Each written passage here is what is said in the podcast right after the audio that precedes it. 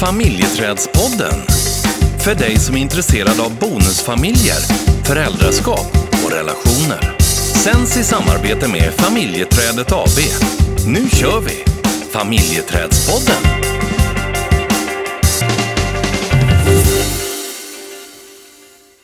Hej Sara Melin! Nej men hej på er! Hej. Va, alltså, jag är så... Det är nästan lite pirrigt det här. Vi har bjudit in dig i våran podd. Ja, och jag tackar så gladeligen ja. Ja. Jag tycker, ni är, ja, jag tycker ni är fantastiska. Det är väl inte du som ska vara nervös, det är jag som ska vara lite pirrig. Ja. Vi kan vara lite pirriga allihopa här. Ja, men det kan vi vara. Ja, det kan bli lite pirrigt sen när man är entusiastisk. Ja, det kan vara det. Ja. Ja. Ja, jag får lägga band på mig här. Ja, precis. Men du, eh, Sara, eh, presentera dig lite kort. Vem är du för de som inte känner till dig? Ja, vem är jag? Jag heter Sara Melin. Jag eh, fy- fyller faktiskt 48 år på söndag, så nu Ja. börjar jag känna mig lite lagom mogen sådär. Okej. Ja, jag har, jag har tre barn. Mm. Tre stycken grabbar har jag. Med, och alla tre har ju olika eh, former av ADHD, eh, Tourette, eh, ångest Ja. och så vidare inom det spektrat. Mm. Mm. Och eh, ja, vad ska man mer säga? Jag arbetar som, som tandsköterska gör jag, på Ja. en specialisttandvård med röntgen. Mm. Men jag är också ute och föreläser en hel del inom MPF om hur det är att vara förälder till barn med olika funktionsnedsättningar. Ja. Och jag kan säga att alltihopa började nog kanske egentligen då när Ture var lite liten. Jag låg i sängen hemma med honom och vabba. Ja. Och så låg jag och scrollade lite grann på Facebook så här och så kom det upp ett litet flash här att vill du starta en blogg? Och jag hade aldrig läst en blogg i hela mitt liv. Men nyfiken som jag var så efter tio minuter så hade jag en blogg. Och då så frågade, frågade Ture så här, men gud vad ska jag skriva om då? Så jag, jag hade ingen aning. Han bara, men mamma du kan skriva om ADHD för det är ju du så duktig på, så han. Ja men det kan vi göra, så jag. Vi, vi hjälps åt och så skriver vi lite grann. Och så, vad, ska, vad ska bloggen heta då? Och det var då namnet kom till. Och så han så här, men mamma du kallar mig alltid för Lilla Speedo. Lilla Speedos mamma blir väl bra? Och så blev det. Ja. Vad härligt. Och jag, och jag tänker att det säger någonting om din energi också. Ja, men jag, jag har aldrig bloggat och det är, det är lite Pippi Långstrump över. Det har jag aldrig gjort, det gör jag. Nej, precis, precis. Och så var det. Ja, Ja, vad härligt. Ja, och det var faktiskt väldigt, väldigt roligt. För då, på den tiden då, då jobbade jag som, jag var också ordförande då i Attention i Gävle.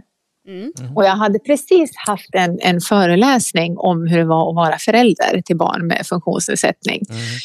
Och jag kan säga att jag var så nervös när jag skulle ha den där föreläsningen så jag kommer inte ens ihåg vad jag hade sagt för någonting. Men jag fick ju massa förfrågningar efteråt där man frågade sig, men gud, skulle du inte kunna komma till oss och föreläsa? Jag tänkte, men gud, jag vet ju inte ens vad jag sa för någonting. och alltså, jag har ju aldrig varit en sån som har tyckt om och stått inför folk och hållit föredrag och jag varit generad när jag gick i skolan om jag skulle hålla någonting inför klassen och sånt där. Jag tyckte det var jättejobbigt. Mm. Men det där var så himla roligt. Det där blev nästan som en liten kick för jag märkte att men folk sökte efter information. Och, alltså man, vill, man vill höra att det också finns positiva saker. Man Mm. kan få det till att fungera. Mm. Och det är väl mitt motto någonstans här i livet. Är att ja, jag ska få det att funka. Det är bara så. Mm. Och det som jag tycker är så positivt när man läser dina inlägg och, och eh, ja, hur du skriver och vad du framställer, liksom din, var- eller hur du framställer er vardag, så är det Mm. alltid med glimten i ögat, även om det har varit kanske galet, eh, galet tuff dag, så Mm. försöker du hitta det där lilla positiva även i det som har varit galet jobbigt.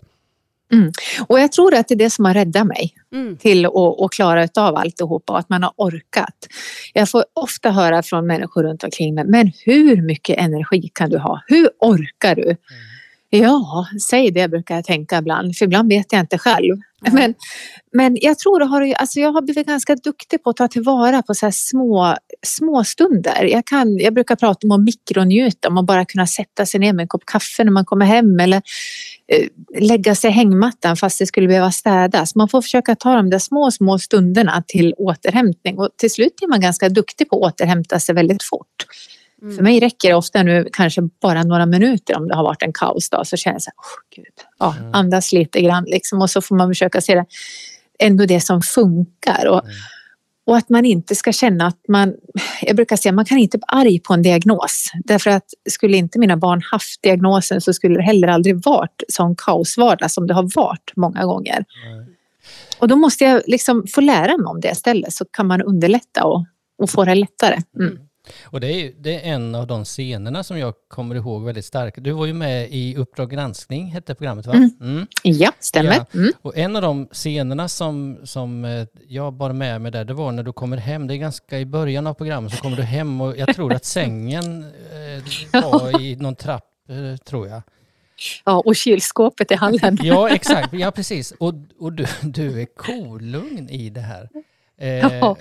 Är, är det någonting som du hela tiden har haft med dig eller är det någonting som du har fått lära dig under den här resan? Helt klart lära mig under den här resan, Ja. ska jag säga. Ja. Eh, å andra sidan, jag har aldrig haft speciellt lätt för att brusa upp utan jag har väl varit lite pragmatisk som en mamma och sagt så här, ja, ja, det är som det är. Jag kan inte påverka och när jag inte har varit hemma då när jag kom hem och det såg ut som helskottan själv här hemma så var det ingenting jag kunde göra någonting åt förutom att försöka få ordning på eländet som det, som det såg ut. Mm. Eh, Men det där var inte första gången kan jag säga. Det där han har möblerat om och det har sett så där ut många gånger när jag har kommit hem. Och Mm. Alltså, du vet en gång när jag kom hem då hade han gladpackat in hela sovrummet. Okej. För att, Ja, det var en så här kul idé. Han kom på det när han var hemma själv. Ja. ja, det här ska vi testa. Mm, mm. Det här ska vi testa. Det här måste vara kul. Jag hade varit och köpt massa gladpack och det gjorde han ju slut på. Det var dyrt. Ja. Men det, men det, förlåt att vi skrattar men, men man, Ja, jag, kan bara, jag ser framför mig det här eh, sovrummet med inpackat Ja. gladpack. men det, men det, Mm. låter, det låter ju också lite grann som mamma. Det här har jag inte Ja. testat, det här ska jag göra.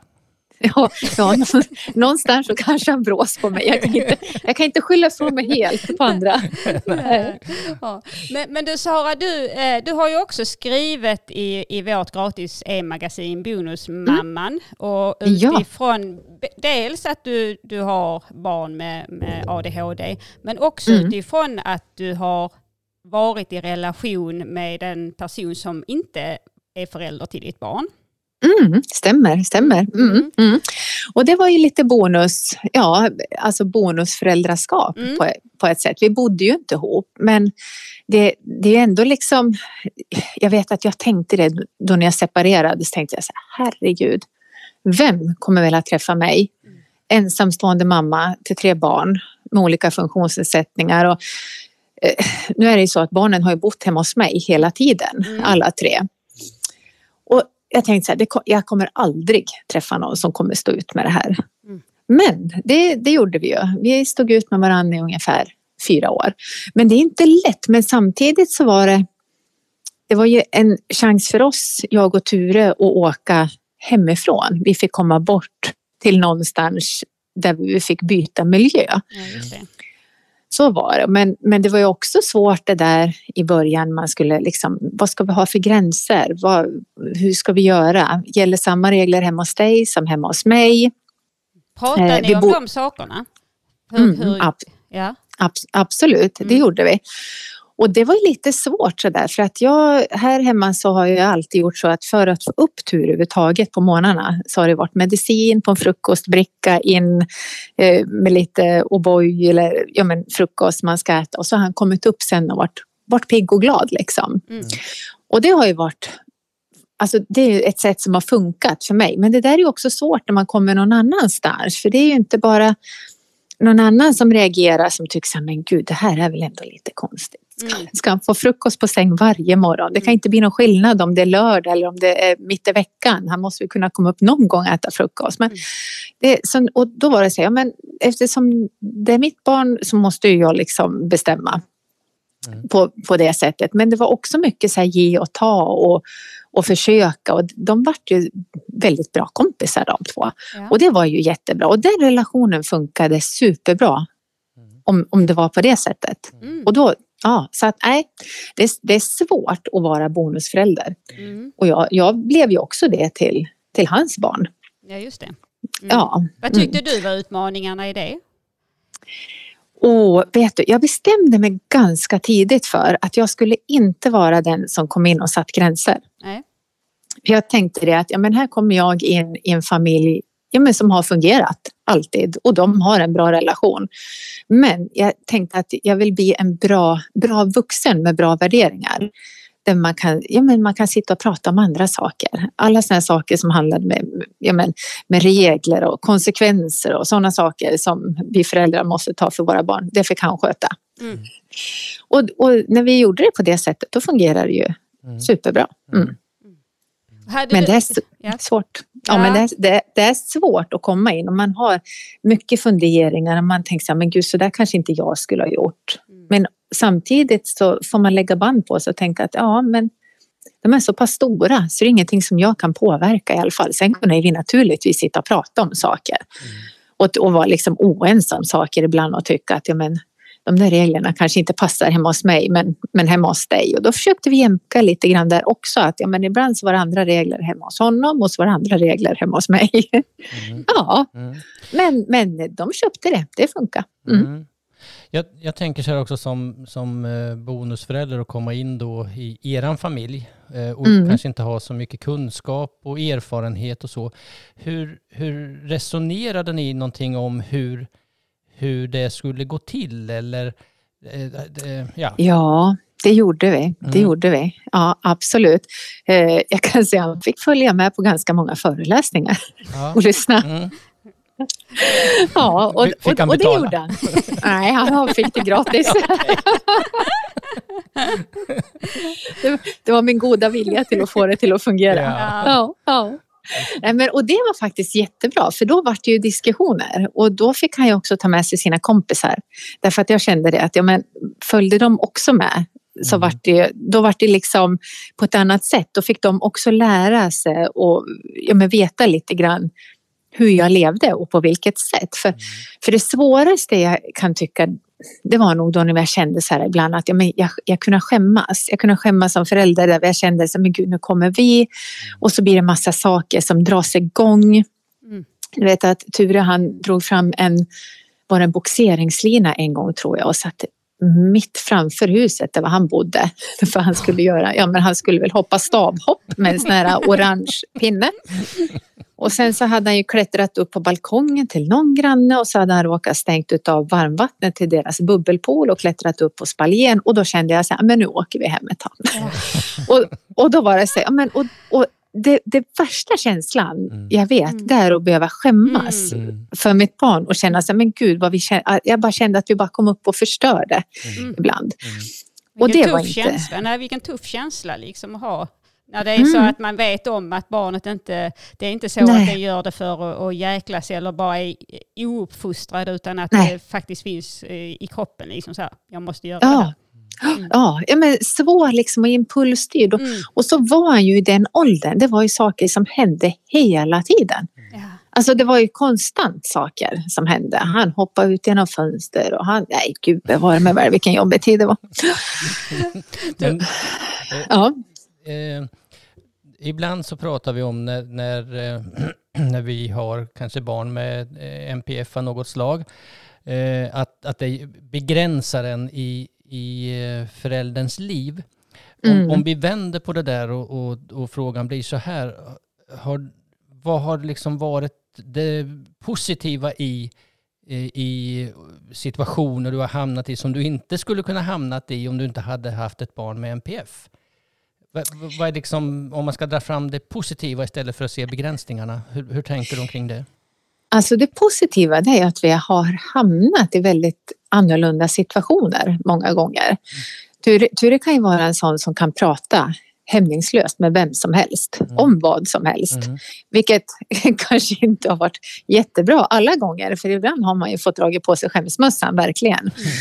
Och sagt det att Ture nu behöver vi inte prata om allting. Ja men varför då? Varför ska jag ljuga? Ja, just det. Ja, ja men man, ljug, man ljuger inte om man är tyst brukar jag säga. Sen har vi fått dra i den där historien liksom, ja vad är en svart lögn och vad är en vit lögn? Mm. Och, då, och den gick ju inte att förklara. Nej. Och då, då säger han så här, "Jaha, och vad är en blå lögn? Ja men blå lögner det finns inte. Just det. Sen, nej, sen fick vi lägga ner den och göra vita lögner för det var ingen idé. Men, men just alltså positiva saker, han, han är ju också eh, väldigt impulsstyrd, Ture. mm. Speciellt då när han själv får välja. Mm. Om jag skulle vara impulsstyrd och försöka få iväg honom på någonting, då skulle det inte funka om det inte har varit en bra förberedelse innan till exempel. Nej. Mm. Men, men sådana saker kan vara roliga. Vi åkte iväg till Stockholm här nu. Det var en himla rolig grej och då kom vi på det redan på, eller nu, vi kom på det, var inte jag som kom på det. Ture ringde mig på torsdagen på jobbet och sa, mamma, i helgen kan vi inte bara åka till Stockholm du och jag? Och så bor vi på hotell och så firar vi att jag har klarat skolan ända sedan nyår. Åh, det var då värt att tänkte- fira. Ja, och då tänkte jag så här, ja men varför inte? Mm. Mm. Varför ska jag säga nej? Det är klart att vi ska åka till Stockholm och fira. Mm. Och det skulle jag inte ha gjort annars. Så att, eh, ja, vi hade jättemysigt. Vi tog tåget ner och vi bodde på hotell och vi gick och shoppade i varsin ny vårgarderob och gi- gick ut och käkade. Sen var han så trött, så trött, så trött efter alla intryck så det, han sov resten av helgen. Sen, men men liksom sådana saker Mm. att det blir lite impulsivt. Vi kommer iväg Mm. på saker många gånger och det, man får inte vara så feg. Det gäller att haka på ibland. Ja, precis. Mm. Ja. Så. Det är så härligt att kunna få lov att, att ha den typen av liv också. Mm. Att någonstans att inte, eh, som du, du hänger ju på Mm. liksom. Jag skulle kunna tänka mig också att man kan bli så, nej men det funkar inte och det kan vi inte. Och, Nej. och att då, Mm. då, då vänder det liksom till att bli någonting som är negativt. Sen har ju inte såklart inte alla möjligheter att, att dra iväg, så är det ju. Nej, självklart inte. Och så, så är det. Men jag tror ibland så måste man våga säga lite mer ja och inte Mm. alltid nej så mycket. Mm. Utan alltså, livet öppnar nya vägar Mm. för andra tycker- saker. Ja, och det tyckte Mm. jag var en bra mening. Våga säga lite mer ja än nej. Ja, jag tror det. Mm. Alltså det, det är alldeles för många som säger nej för ofta bara för att det ska vara nej. Mm. Och, ja, och jag brukar säga det, det är aldrig en tävlan om vem som har rätt eller vem som vinner. Ibland måste man våga släppa lite grann på det där. Då blir det lite bättre. Mm. Och det, och det är klart, vi vuxna har ju en tendens också att bli lite mera eh, fega och lite bekväma och, och, och Mm. säga nej. Och, Tänka konsekvenser. ja, precis. Ja, absolut. Mm. Ja. Nej, men har man barn med ADHD då får man lära sig att de där konsekvenserna, vet du, då kan det hända grejer. Mm. Ja. Men, men du, Sara, hur tänker du, eh, lite tips till någon som lever i en bonusfamilj där det finns barn med ADHD eller autism eller någon annan neuropsykiatrisk diagnos? Mm. Vad skulle du säga? Mm. Då, då kan jag säga så här att eh, det är inte som att leva i en vanlig familj. Så kan jag säga. Eh, det är inte samma regler som, som gäller för alla barn utan man måste kunna anpassa. Och sen tror jag det att det, det är så lätt att glömma bort att man har eller att det finns en funktionsnedsättning så man tänker sig, ja men det där borde du väl ändå kunna klara utav. Mm. Du klarar utav att vara hemma och sitta och spela dataspel men du klarar inte utav att gå till skolan. Eller du klarar utav att vara med kompisar men du fixar inte att ta dig iväg och Mm. vara i skolan. Sådana saker. Och det, det har jag fått hört många gånger. Och, nej, man ska göra saker som man mår bra utav. Mm. Och kanske inte ställa för mycket krav heller. Jag brukar säga det att man får försöka ställa ett krav. Mm. Kanske. Jag brukar säga till Tur, ja, men som när han ska städa till exempel. Ja, för andra barn så kanske det där fungerar eh, klockrent. Att man vet att på torsdagarna då städar vi hemma. Här hemma så funkar inte det riktigt och det där automatiska fungerar inte heller riktigt. Utan här har det varit traggel med att borsta tänderna eller att man ska duscha eller att man ska tvätta håret. Och det är inte automatiserat hela tiden. Så vi liksom får klira lite andra vägar och jag tror att accepterar man det när man kommer till en bonusfamilj som har barn med NPF så går det mycket lättare. Mm. Man kan inte heller då säga nej till allting utan man måste faktiskt, ja men ibland måste man kanske också säga ja till saker. Man får välja sina strider helt enkelt. Annars så skulle vi kunna säga nej till allt. Ja, precis.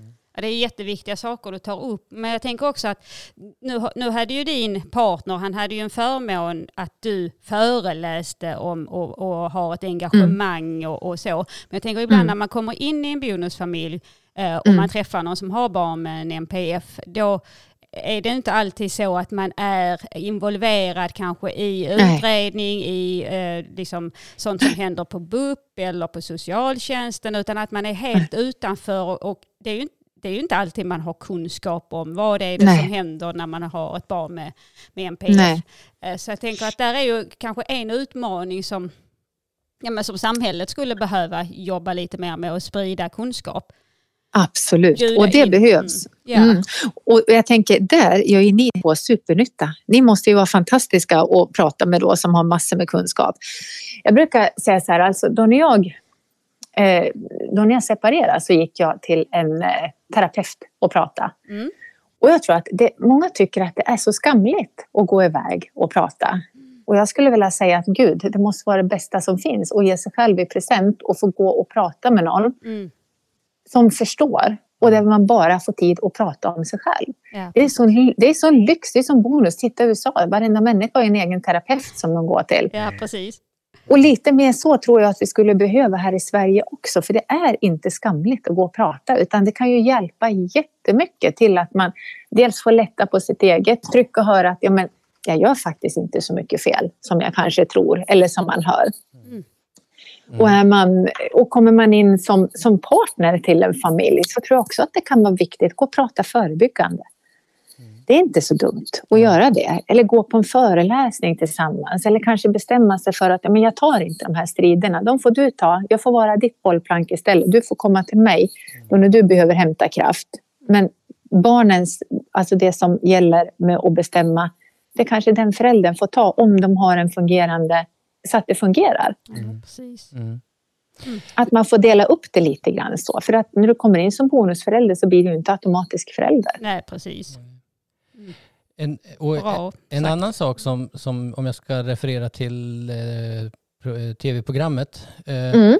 eh, så är ju det som jag tänkte på också, och när jag såg programmet så tänkte jag så här, ja, men jag, jag vill bli den här samordnaren som saknas omkring det här barnet och den här ja. familjen. Alltså mm. låt mig få gå in och vara nät, och nätverka och se till så att skola och social och, alla ja. och BUP och så att, så att det är någon som håller i det och, och ser till så att liksom trådarna vävs ja. ihop eh, tillsammans.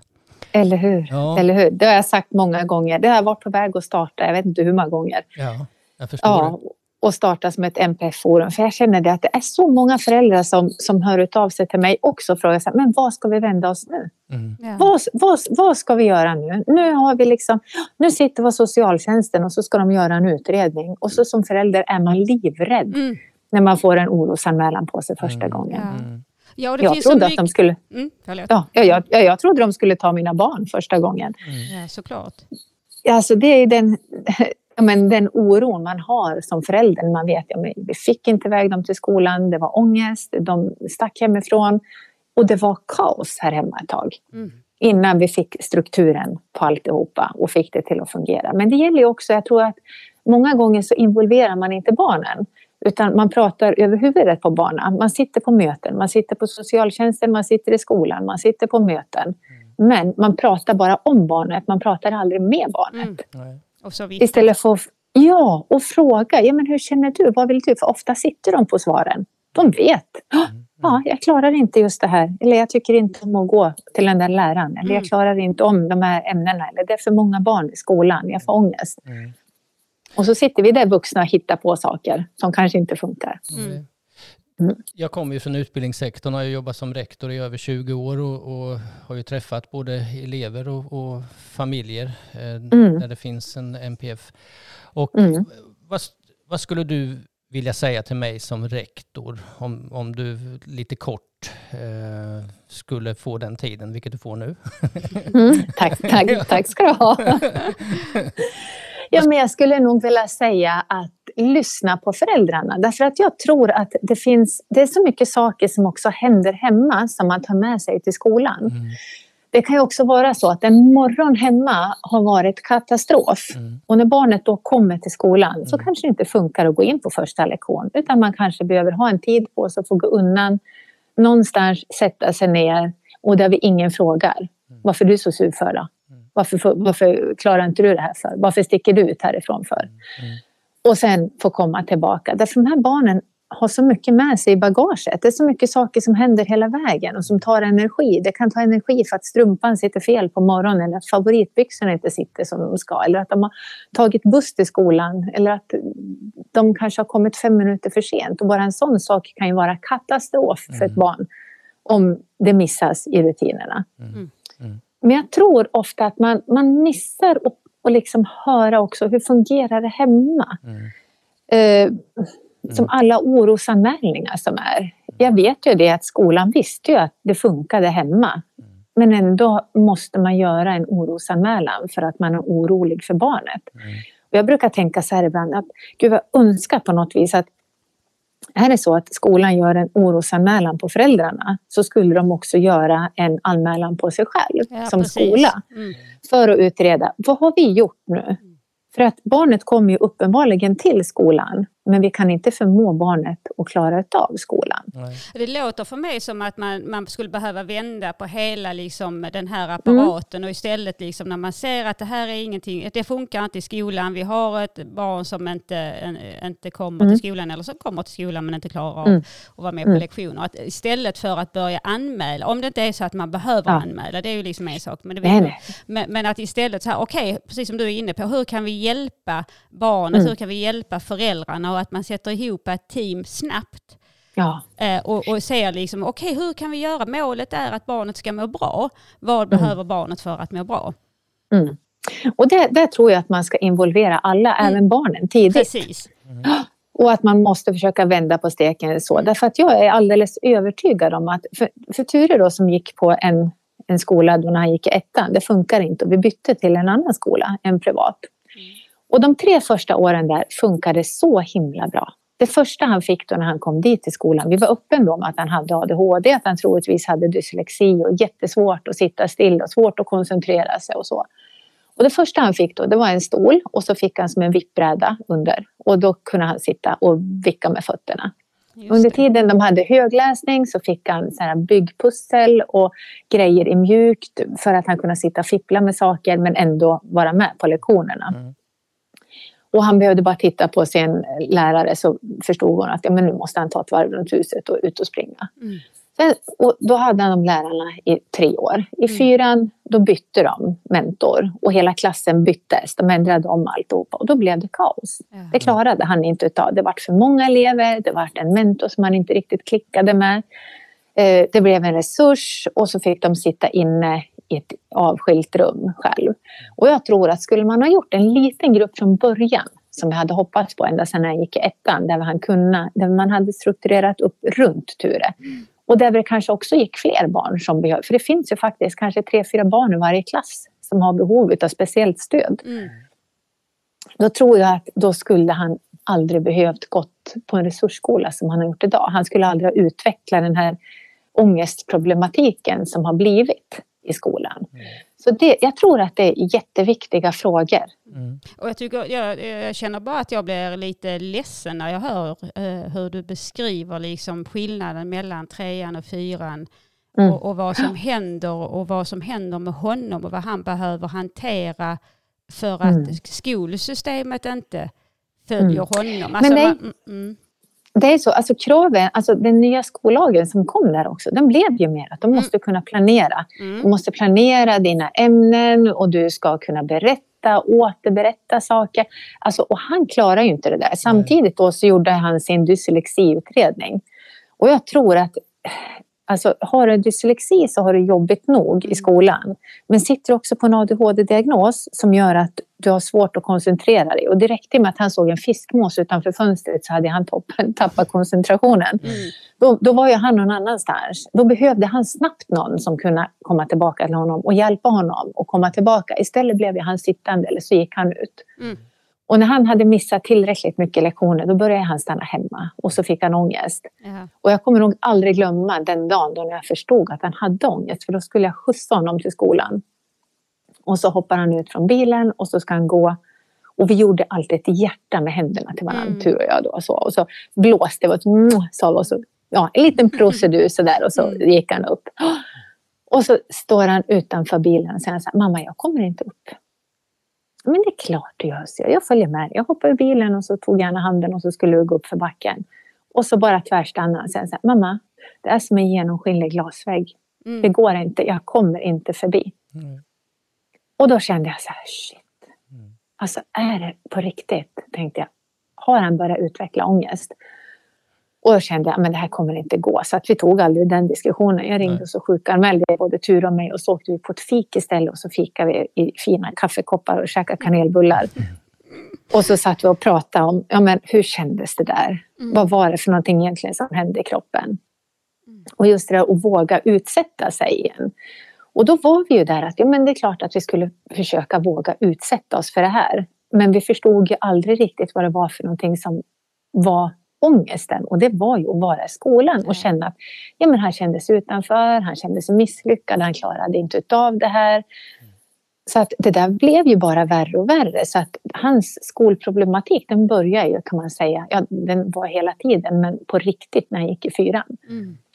Mm. Är det där någonting som också kan, som, som du har sett när det gäller inte bara skolan utan fritidsaktiviteter, kompisar, eh, hela Mm. det sociala? Eh, Ab- absolut. mm, Men då, då var det så här, då hade han ju mycket kompisar. Då hängde han ju med dem efter skolan. Och då var det många som tyckte, ja, men, hur kan du låta han hålla på och vara ute och leka med kompisar om han inte fixar det i skolan? Ja, men ska jag straffa honom? Mm.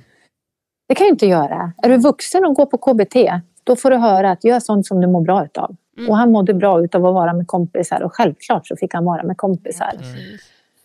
Annars, annars men- skulle du straffa honom för någonting som han faktiskt inte klarade av. Nej. Inte det och att han inte ville. Precis, och jag kan säga att jag har träffat så många barn när jag har varit ute och föreläst och föräldrar. Och faktiskt aldrig någonsin träffat på ett barn som inte vill gå till skolan Nej. för att de är lat. Nej.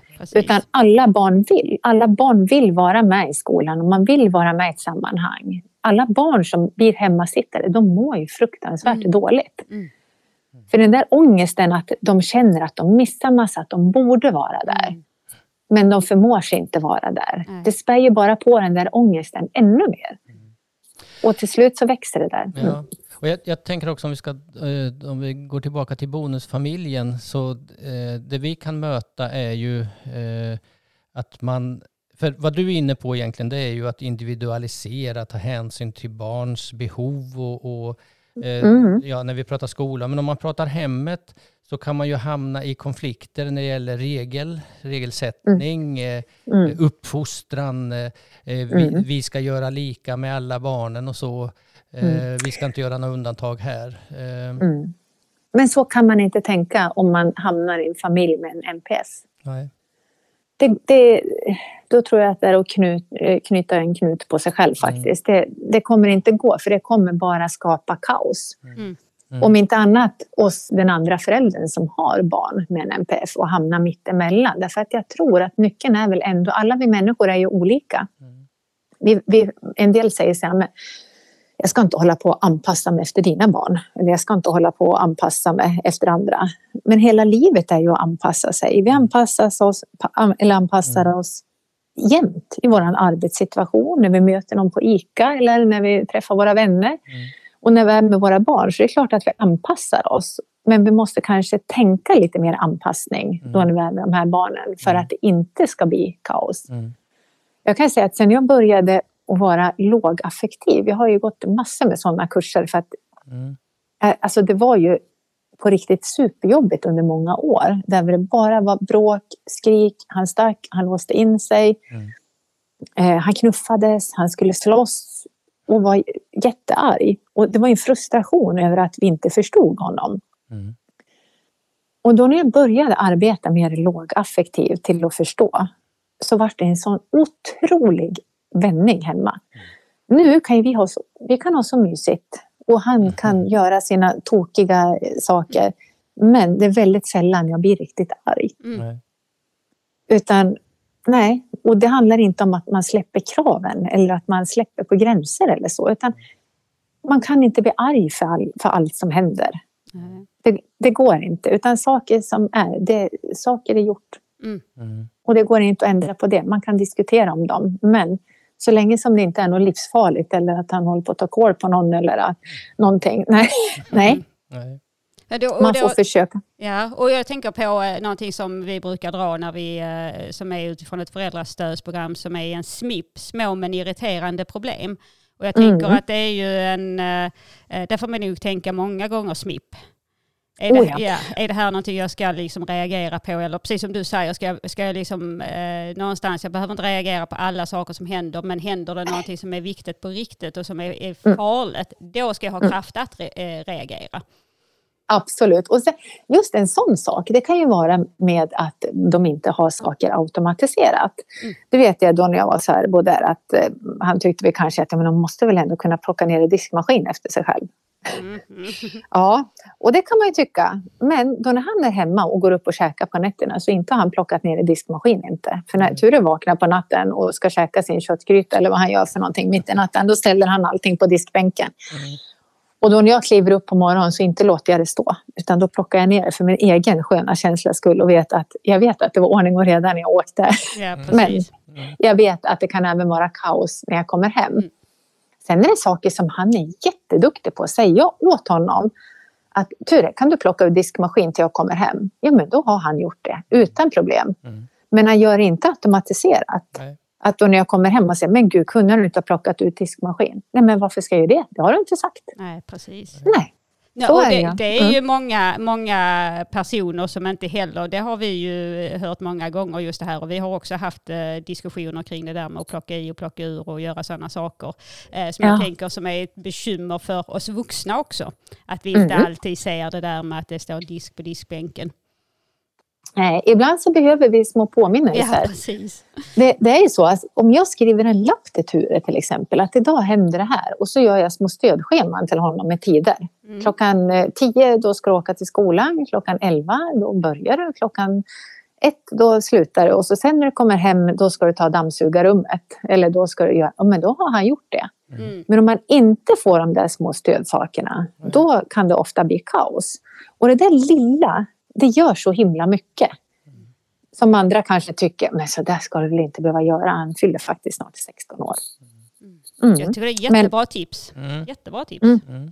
Och det där hjälper ju både han och mig, måste jag ju säga. Ja. Mm. Vi, Mm. vi slipper massa onödiga bråk Mm. hemma. Utan då är det liksom fixat. Nej, så att jag tror att de där små sakerna, de ska man strunta och bråka om. Ja, precis. Jag, jag, ja, jag kan gå in på hans rum och kasta hans kalsonger i tvätten om de inte ligger där. Men det hör nog till vanliga tonåren. Men- ja, precis. Jag vet vuxna som inte gör det där heller. Ja, då. Det är därför det är så skönt att leva själv, förstår du. Ja, precis. ja, just det. ja. Ja. Ja, nej, men så, så är det. Men med små saker. Nej, Mm. man, livet, eh, livet är för kort för att bråka om små saker. Ja. Eller hur? Ja, det är rätt. Det tyckte jag var en bra slutkläm faktiskt. Mm, Ja. vad bra. Ja, Ja, och det- jag känner så här, eh, bejaka livet efter det här samtalet. ja. verkligen. eller hur? Ja, Ja. ja. Nu, ro- nu rockar vi på. Det är Nu- fredag. ja, det gör vi. Nu rockar vi på. Ja. Ja, precis. Du Sara, tack så hemskt mycket för att du ville ta din tid till våran podd. Ja, men tack så jättemycket för att Ja. jag fick vara med. Jag tycker Ja. det här är så roligt. Nu fick jag massa energi. Ja, Vad bra, det fick vi också. Ja, jag, jag ska säga Ja. att här har jag både skrattat och eh, varit tårögd för att eh, Ja. jag tycker att du är helt magisk. Så, Åh, vad snälla ni är. Tack så mycket. Ja. Detsamma. Detsamma tack. till er. Ja. Du, eh, njut av helgen och eh, hälsa tur. ja. Du, det ska jag göra. Ja. Absolut. Ja, Njutit av helgen ni också. Ja, tack. Ha, Ha det så bra. Ha det så, Ja. Detsamma, detsamma. Sköt om er. Detsamma. Ja, hej då, Hej, då, hej då, hej då.